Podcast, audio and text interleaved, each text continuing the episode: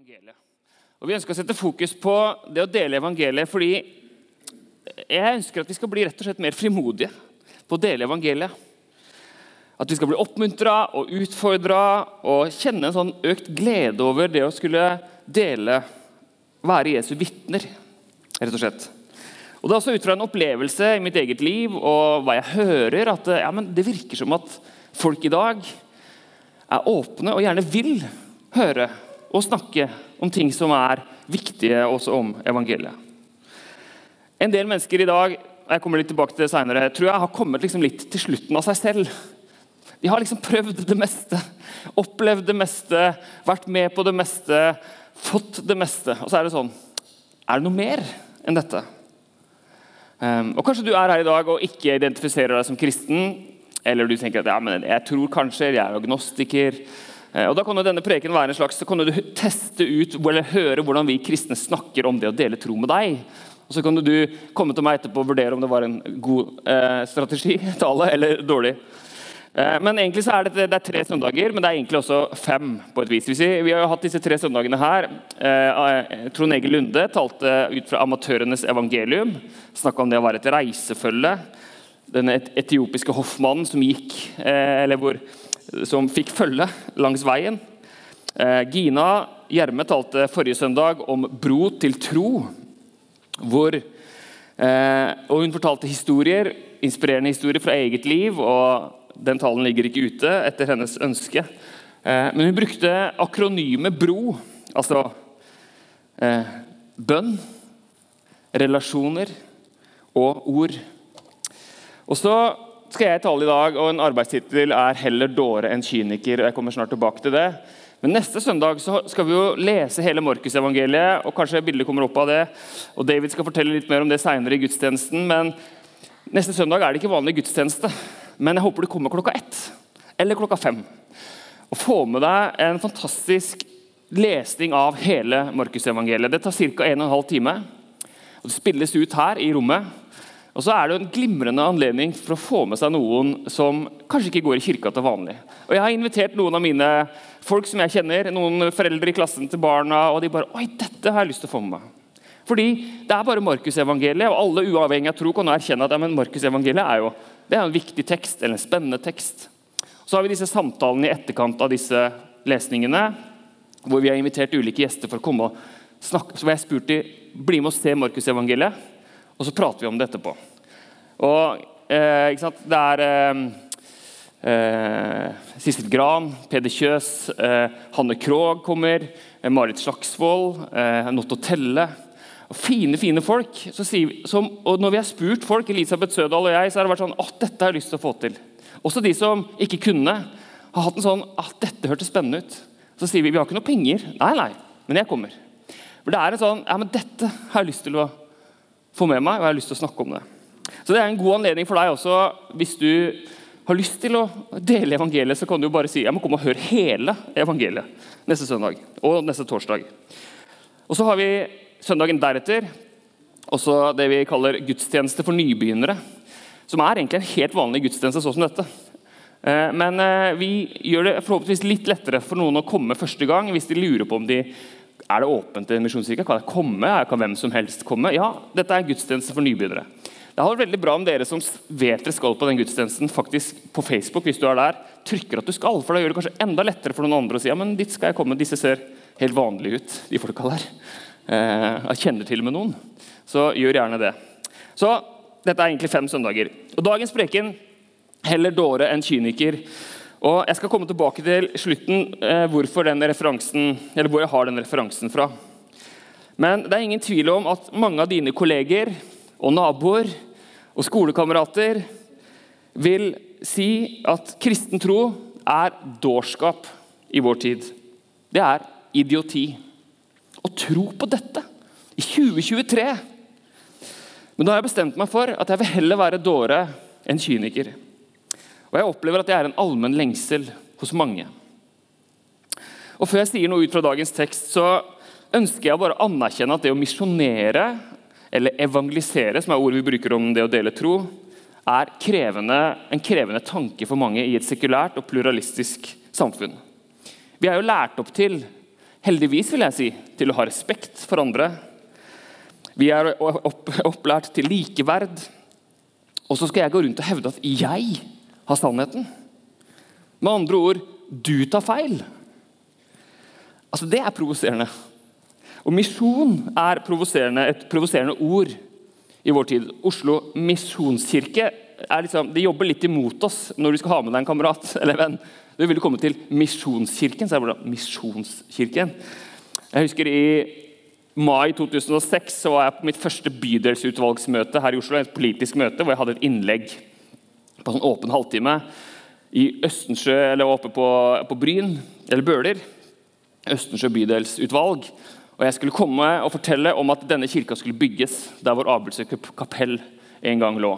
Og Jeg fomla med overhead-ark og jeg fortalte så godt jeg kunne om fellesskapshuset og hvordan vi ville at dette skulle være et bygg for hele bydelen og en gave til alle osv. Og, og så, etter mitt innlegg så skulle da satt politikerne i hestesko og skulle stille spørsmål. Og så er det en som lener seg litt fram med, med brillene langt fram på nesa. Skjegg, eldre mann. Jeg kunne se han var fra SV. For det sto på skiltet. Per Nygaard, SV. Og så sa han Oslo misjonskirke, Betlehem. Med trykk på misjonskirke. Hva innebærer det? Oslo misjonskirke, Betlehem. Og Det er jo et godt spørsmål. Ja, Hva innebærer det? Misjonskirke. Ja, det er i hvert fall noe med at vi, vi er ikke opptatt av oss sjøl. Vi er ikke liksom en klubb for oss. Nei, vi vil dele det vi har. Vi vil dele evangeliet, og vi vil være, vise raushet, bl.a. Men for mange mennesker i vår tid så er misjon nærmest synonymt med undertrykkelse, kulturimperialisme, kolonisering. De tenker korstog. Og Selv om det ofte baserer seg på en veldig selektiv historiefortelling, så kan vi ikke underslå at det finnes nok av historier som gjør at folk har et litt sånn krevende forhold til ordet misjon. Og Dessverre så har en del mennesker også opplevd kristne på jobben eller på gata som virker som å være mer opptatt av de som bare en sånn navnløs sjel, enn at de er et reelt menneske. Ehm, med null liksom, interesse av en likeverdig relasjon hvor vi møter hverandre i øyehøyde, men liksom en sånn ovenfra og ned 'du skal bli frelst' typ. Jeg husker en gang på videregående så, så Jeg var veldig ivrig kristen på videregående. Jeg fortalte om det før, tror jeg. Jeg, jeg eh, ble kalt for Jesus, det er jo én ting, det var hyggelig. men jeg, jeg, eh, jeg og en kamerat for eksempel, vi, hadde, vi lagde et, et, danseshow på 1 12 minutt som vi holdt i kantina i tredje klasse. så Når vi hadde hele eh, kantinas oppmerksomhet, alle 300-400 menneskene som var der, så hadde jeg en sånn kort appell om at alle trengte å komme til Gud og bli frelst. Så jeg var ganske sånn ivrig. Men jeg var samtidig, for jeg hadde i hvert fall en viss form for sosial intelligens. Eh, så det gikk sånn passe greit. Jeg hadde venner, liksom. Det er jo fordelen. Ehm, men så var det en lørdag kveld i Larvik. Sto på torget, og så var det et sånt gateevangeliseringsteam som hadde kommet til Larvik. Eh, som fulgte en sånn amerikansk modell for gateevangelisering. Og Så sto jeg litt i utkanten der, og så begynte, kom jeg i samtale med en medelev på skolen. Og Vi begynte å prate om tro. Og Det var en kjempespennende samtale. Eh, og det at hun var den vakreste jenta på Tor Heyerdahl videregående skole, prøvde jeg liksom ikke tenke på. Men det var en, sånn, en fin samtale. Men så kom en av disse fra dette gateevangeliseringsteamet med sin amerikanske metode 'Hvordan få noen frelst på tre minutter'. Typ. Så er det sånn Ja, men du, Kjersti. Vet du at hvis du dør i dag, så kommer du til himmelen? Ikke sant? Eller, og så har de noen sånne spørsmål som gjør at uansett hva du svarer, så ender du opp med sånn ja, men Vil du be frelsesbønn? Og den personen som står der, føler ikke har noe valg. Be frelsesbønn, og den gateevangelisten bare Yes! En til, frelst på gata. Halleluja, fest i himmelen. Og så sto jeg bare der og bare kjente Kjære Gud. Altså, Jeg mista henne. Vi hadde en relasjon, vi hadde en samtale, og så ble hun bare tatt med av disse gateevangelistene. Og så ble hun invitert dagen etterpå til å være med på et møte. Eh, og hun fikk en lapp og liksom, du må komme dit. Og, og jeg bare tenkte kjære Gud, må hun ikke komme? Håper hun ikke kommer dit. Så jeg valgte å dra dit og være der tilfelle hun skulle komme. Og det gjorde hun heldigvis ikke. Og dessverre ikke.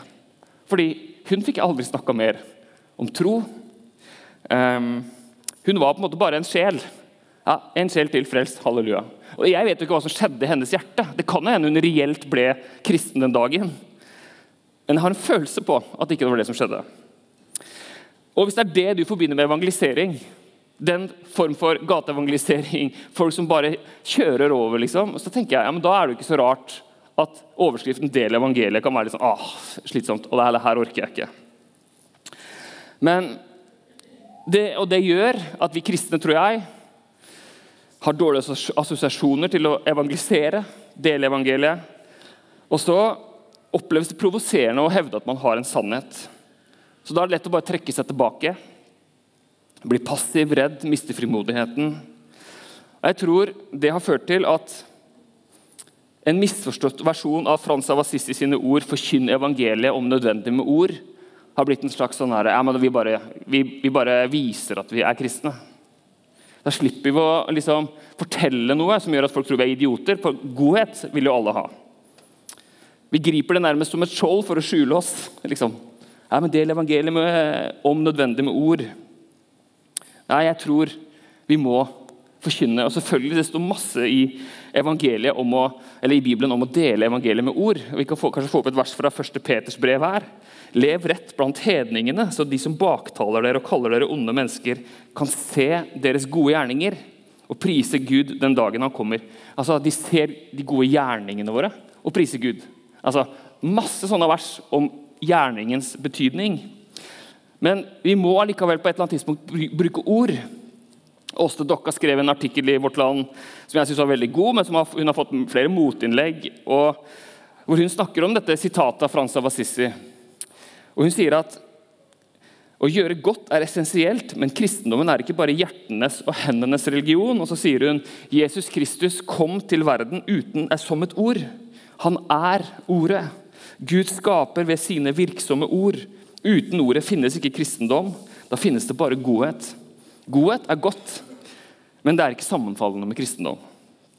Og Kanskje er det en provoserende tanke, og, og hun blir tatt for å være imot diakoni, og sånn, som er selvfølgelig helt absurd. Eh, men allikevel. Vi må forkynne evangeliet. Eh, Edin Løvaas, for øvrig, Jeg sendte Åste eh, et sitat av Edin Løvaas. hvor Han forteller en historie om en arbeider eller en ny som skulle begynne på en ny jobb. og Så bestemte han seg for at jeg skal ikke fortelle at jeg er kristen. Jeg skal bare vise det. Jeg skal bare forkynne uten ord. Og Så gikk det noen uker på den arbeidsplassen, eller var det måneder, så kom noen av kollegene til han og sa du, vi har snakka litt sammen. Vi, vi, lurer på om det er, det er noe spesielt med deg. Og han bare Yes, liksom. Jeg har klart det. Jeg har klart å vise gjennom min godhet, gode moralske standarder og gjennom min kjærlighet så har jeg vist at jeg er noe annerledes. Det er noe annet med meg. Og så, så, sa de og nå vet vi hva det er. Du er vegetarianer. Og så, jeg, og, så, og så, skriver Edin Nei, der hvor det i det hele tatt er mulig, må troen ha et språk. Ok, Så jeg mener vi må slutte å være så redde. Som sagt så tror jeg vi må tørre å framstå litt som dårer. Og at det til og med er noe attraktivt med det i vår tid. Men det betyr ikke at vi skal oppføre oss som idioter, og det er en stor forskjell. Så hvordan går vi frem? Eh, vi har hørt Paulus tale på Europagos i dagens lesning. En ganske lang tekst, en episk tekst på en måte, og et mønster i forkynnelse og trosforsvar. Og Før vi skal se på et par sannheter derfra, så vil jeg peke på at det er ikke noe nytt at kristen tro og forkynnelse møtes med risting på hodet.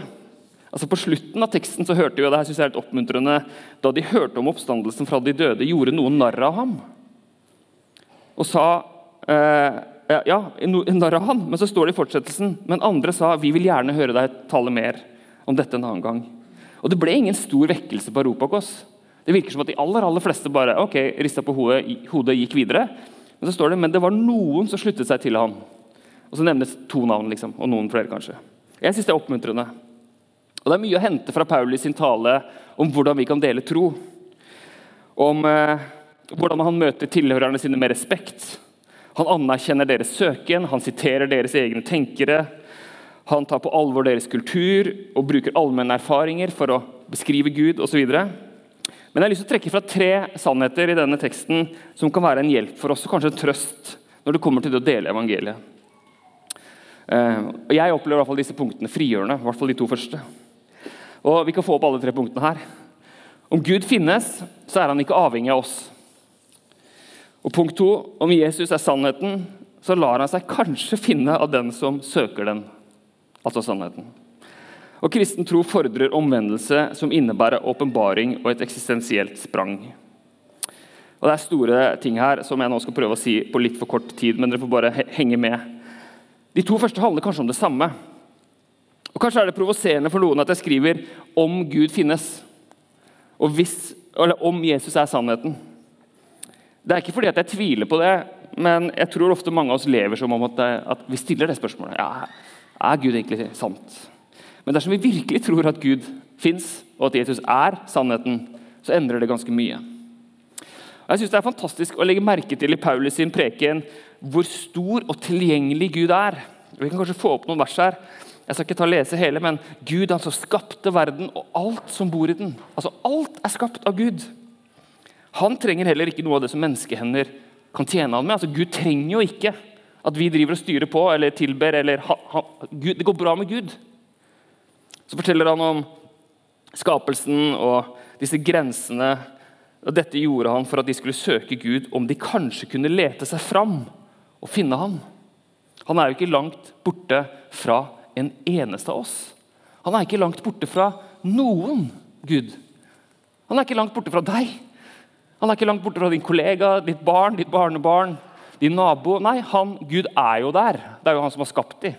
Så Hvis noen sier nei, ikke, altså, liksom, eller fornekter Guds eksistens, så er det sånn, ja, men du puster i hvert fall. Altså, det er jo et tegn på at Gud Altså noe. Hva var det som starta det hele? Og til mitt første punkt som sagt, Han trenger ikke noe av det vi kan tjene han med. Og Nå er dette skrevet i en konkret kontekst, på et spesifikt sted, på, i nærheten av et tempel osv. Men disse ordene peker på en sannhet som jeg tenker er viktig. At om Gud finnes, så er han ikke avhengig av oss. Og Det er så frigjørende også når det kommer til det å dele tro. At, Gud ikke er langt borte fra noen. Og Gjennom det allmenne skaperverket og bare det at vi finnes, eksisterer, så er Gud aktiv og virksom i denne verden. Det er ikke slik at Gud kommer til en landsby først sammen med misjonærene. Nei, Gud er jo der allerede. Gud har vært der hele tiden.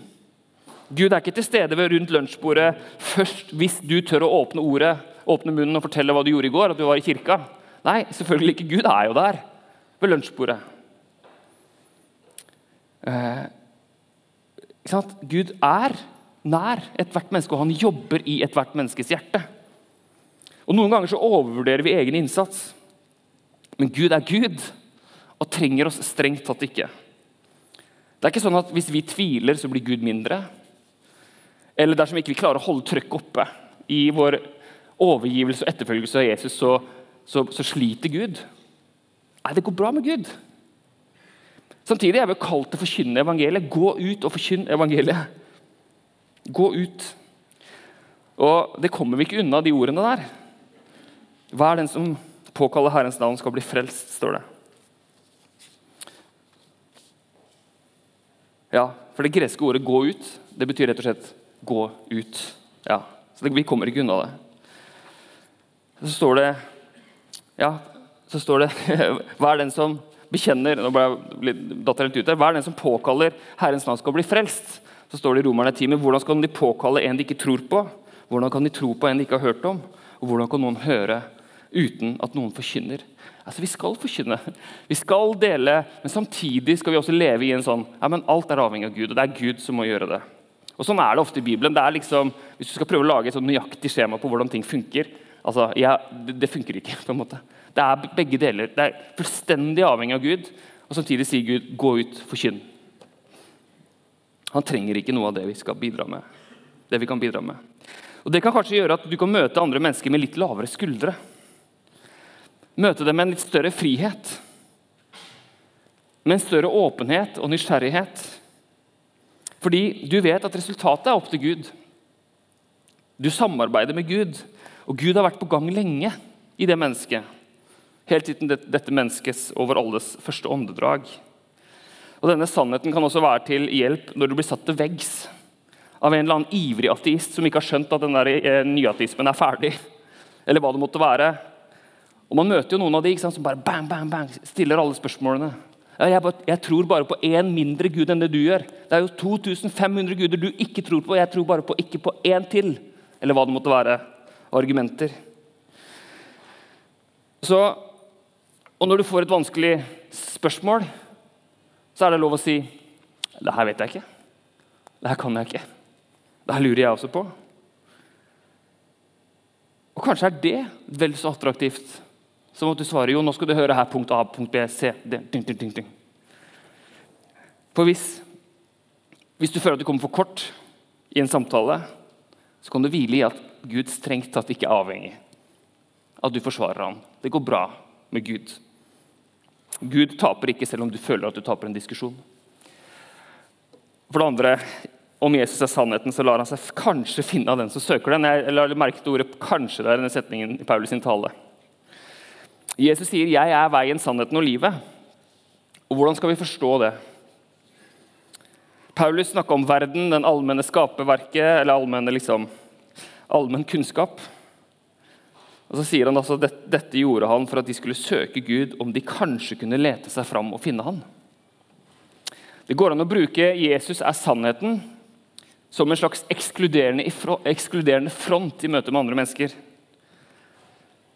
Altså, det er også mulig å bruke det i kulturkamp. Jesus er sannheten. Alt annet er falskt. Kristendommen er den eneste sannheten. Alt annet er dårlig eller usant. Og så kjemper vi for sannheten.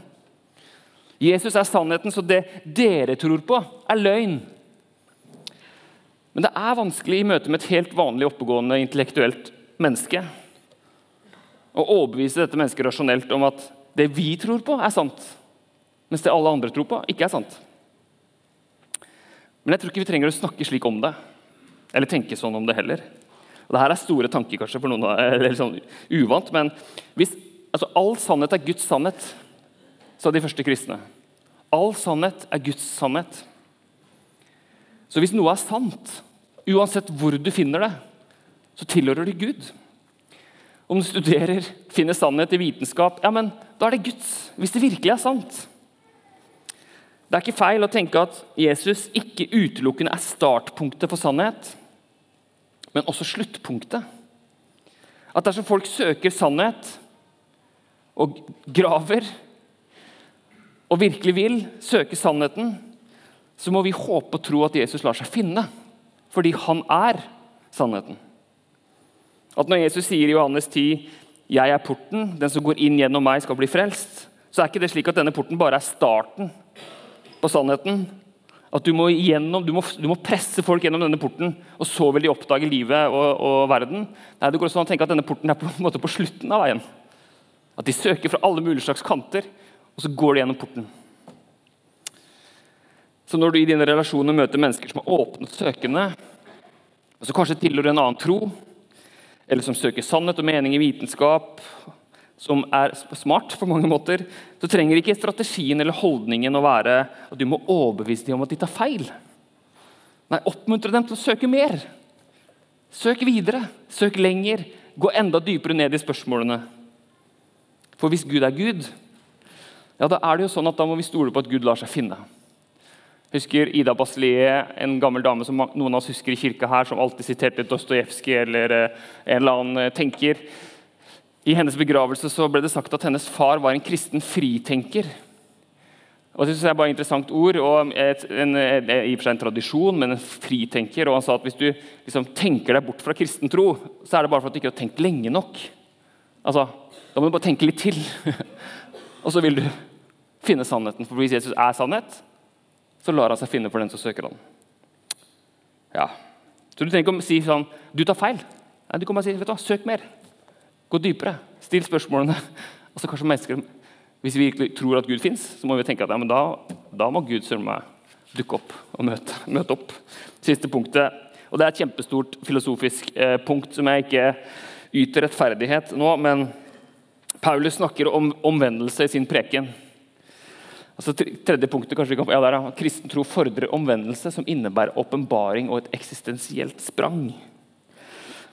Paulus sier snakker om omvendelse i sin preken. Et ord som vi ikke bruker mye. Men et ord som blir brukt om det å snu retning og vende seg bort fra det livet man lever, eller vende seg mot Jesus. Men hvordan blir man egentlig kristen? Altså, Hvordan går man fra å ha ikke-tro til å ha tro? Hvis du deler evangeliet og noen liksom Hva, er liksom steget over til å ha en tro? Og Det finnes mange ulike fortellinger om det. Og Sist søndag hørte vi, hørte vi et fantastisk vitnesbyrd av Kirsti Våge, som fortalte hvordan hun gjennom å se på Markus-evangeliet på TV fikk en sånn der, følte det i kroppen. Måtte, følte at Hun sa. Altså hun bare kjente det liksom at det her er jo sant. Akkurat som at Jesus åpenbarte seg gjennom sitt ord. Og så bare skjønte hun at ja, men jeg, dette her tror jeg på. Eh, og på spørsmålet hvordan blir man frelst, ja, da kunne jeg sitert masse bibelvers. F.eks. Romerne 10,9.: Hvis du med din munn bekjenner at Jesus er Herre, og i ditt hjerte tror at Gud har oppreist ham fra de døde, skal du bli frelst. Eller Johannes 1,12.: Men alle som tok imot ham, dem gav ham rett til å bli Guds barn, de som tror på hans navn. Men tro i sitt hjerte, hvor i all verden, hvordan gjør man det? Ta imot, hvordan ser det ut? Jeg skal ikke gå inn i den tematikken nå, men noen ganger virker det, I Bibelen virker det liksom som at tro det er, det er bare opp til Gud. Det er Gud som gir tro, skaper tro. At noen blir frelst, er nesten utelukkende Guds ansvar. Derfor så finnes det også tradisjoner innen kristen tro som sier at eh, det er bare Gud som bestemmer hvem som blir frelst, og de blir frelst uansett. Resten har, det har ikke noe å si for resten. altså, litt forenkla sagt. Mens andre ganger i Bibelen virker det som at alt avhenger av mennesket og dette menneskets bekjennelse og tro. Ok, Det er begge deler. Men uansett så tror jeg omvendelsen innebærer et steg i tro. Uansett hvor godt du forklarer tro for din venn, uansett hvor mye din venn forstår at kristen tro faktisk lar seg forene med en filosofisk konsistent sammenheng, og at den henger sammen rasjonelt, for det gjør den, så krever det på et eller annet punkt et eksistensielt sprang å bli kristen. Eksistensielt sprang, hvor har jeg det fra? Jo, jeg har det fra Søren Kirkegård. Og Det var Marit Slagsvold som minna meg om det på tirsdag. Jeg snakka med henne, Hun kommer neste søndag og, og, deltar i den første samtalen om Markus. og Hun har med seg for øvrig sin mann, eh, statsministeren, så det er litt artig neste søndag. Men vi hadde en forberedende samtale, og hun en av grunnene, grunnene, til at jeg inviterte henne, var at hun har en utrolig spennende historie om veien til tro. Og hvordan hun, hun var 50 ikke sant? Kona til utenriksministeren liksom, jeg satt fint i det. Bare kjente en sånn derre Det må være noe mer. Så vurderte hun å dra til et kloster i India og søke stillheten, men så tenkte hun det må være mulig å søke stillhet i Norge. Så endte hun opp på Lia gård og begynte å lese evangelietekstene. Og så åpenbarer Jesus seg på en eller annen måte. Og Så snakka hun og jeg på tirsdag om denne her følelsen vi har at mange mennesker har en søken. Og så sa hun ja, du, jeg leser Kirkegårds, om Kirkegårds stadier i dag. Kirkegårds stadier. Og selv om jeg fikk A i X-Fil i 2003, så måtte jeg liksom google det etterpå. Hva var det han snakka om igjen? Jo, men denne her, følelsen av at på et eller annet tidspunkt når du har liksom gått gjennom, levd livet, nytelsen og prøvd å være et godt menneske altså den eksistens, eller den, denne, Hvordan er det disse stadiene? Jo, denne estetiske fasen og denne etiske fasen. Så kommer du på et eller annet punkt liksom ja, men Det må være noe mer enn dette. Og Da snakker Kirkegård om den religiøse fasen, hvor du liksom ok, Kanskje fins en gud? Men overgangen fra den ene fasen til den andre er det Kirkegård kaller et eksistensielt sprang. Og Det lar seg ikke bevise rasjonelt at kristen tro er sant. Han var opptatt av at du kan ikke dra troen ned til objektive, rasjonelle argumenter bare. Nei, tro er en subjektiv opplevelse, sa Kirkegård. Det er en sånn følelse. Det er, et, det er bare en sånn jeg, jeg, jeg, Ja. Jeg bare bestemmer meg. Eller kanskje sånn som Paulus sa, det var bare en åpenbaring. Gud bare, eller Jesus bare åpenbarte seg for meg. Så skriver Kirkegård og det er her det store tanker på overtid her nå, men Kirkegård skriver om at i denne søken etter mening så vil vi ha masse angst og tvil. Sånn, Gud, finnes du virkelig her? Um, og Han hevder at denne tvilen er en naturlig del av troens reise og fører oss til et veiskille. Og ved dette veiskillet, når du står der, så kommer du til et punkt hvor det ikke hjelper med flere argumenter. Men du må ta et sprang i tro. Dette øyeblikket når en person på tross av tvil og usikkerhet tar det eksistensielle spranget og velger å tro. Så sto det et eller annet sted på nettet. Dette er av, et avgjørende øyeblikk der individet forplikter seg til en trosmessig overbevisning uten å ha objektive bevis for den. Dere må vende om, sa Paulus. Ja, Det skjer ved et eksistensielt sprang, ville kanskje Kirkegård sagt. Og her er dagens overskrift 'Heller dåre enn kyniker' kommer inn. Jeg hørte på en ny sang i sommer av United Pursuit som traff meg. I'd rather be a fool than a cynic. For man kan jakte bevis, man kan stille alle de vanskelige spørsmålene. Det er verdens letteste øvelse å dekonstruere kristen tro og si at det som skjedde i stad, var jo bare vann. Altså dåp, altså Guds vann, bla, bla, bla. Hva er det for noe? Nei, Det er lett å stille alle de kritiske spørsmålene. Og Bare det å skulle forklare barna sine om hvordan bønn funker, eller hvem er Den hellige ånd, gjør at man kan komme inn i troskrise. Men hvis du, og hvis du vil forsøke å forklare det rundt lunsjbordet, hvordan Gud funker, eller at Jesus Kristus har stått opp, og at du tror på det, så vil, så vil folk kanskje reagere som da Paulus talte. De gjorde narr av han.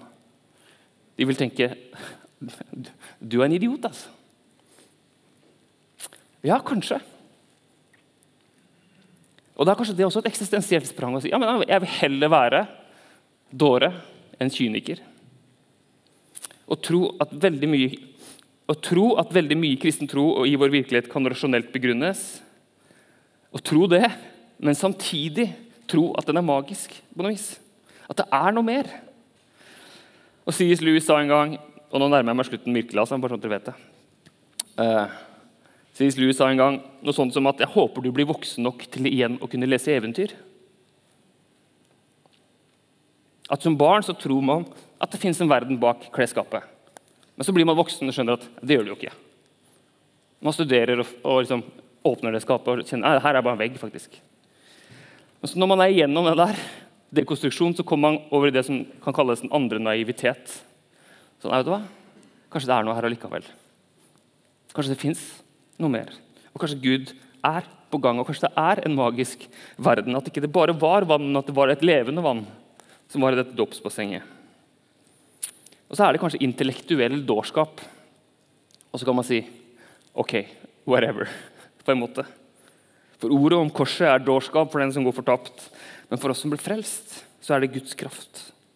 Og Det står jo skrevet jeg vil ødelegge de vises visdom og de klokes klokskap vil jeg gjøre til intet. Det betyr jo ikke at ikke det går an å Altså, at ikke visdom er bra, at ikke klokskap er smart, men til slutt så er det på et eller annet tidspunkt et spørsmål om tro.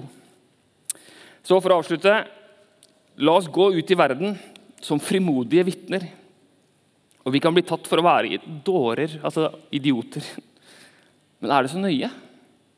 Og Spørsmålet er om ikke dine venner og klassekamerater selv også søker noe mer enn det de kan forklare og forstå så gjør vi det med lave skuldre, fordi vi vet at Gud ikke er avhengig av oss. Så gjør vi det med respekt og med åpenhet, fordi vi stoler på at Jesus faktisk er sannheten. La oss gjøre det. Og la oss be.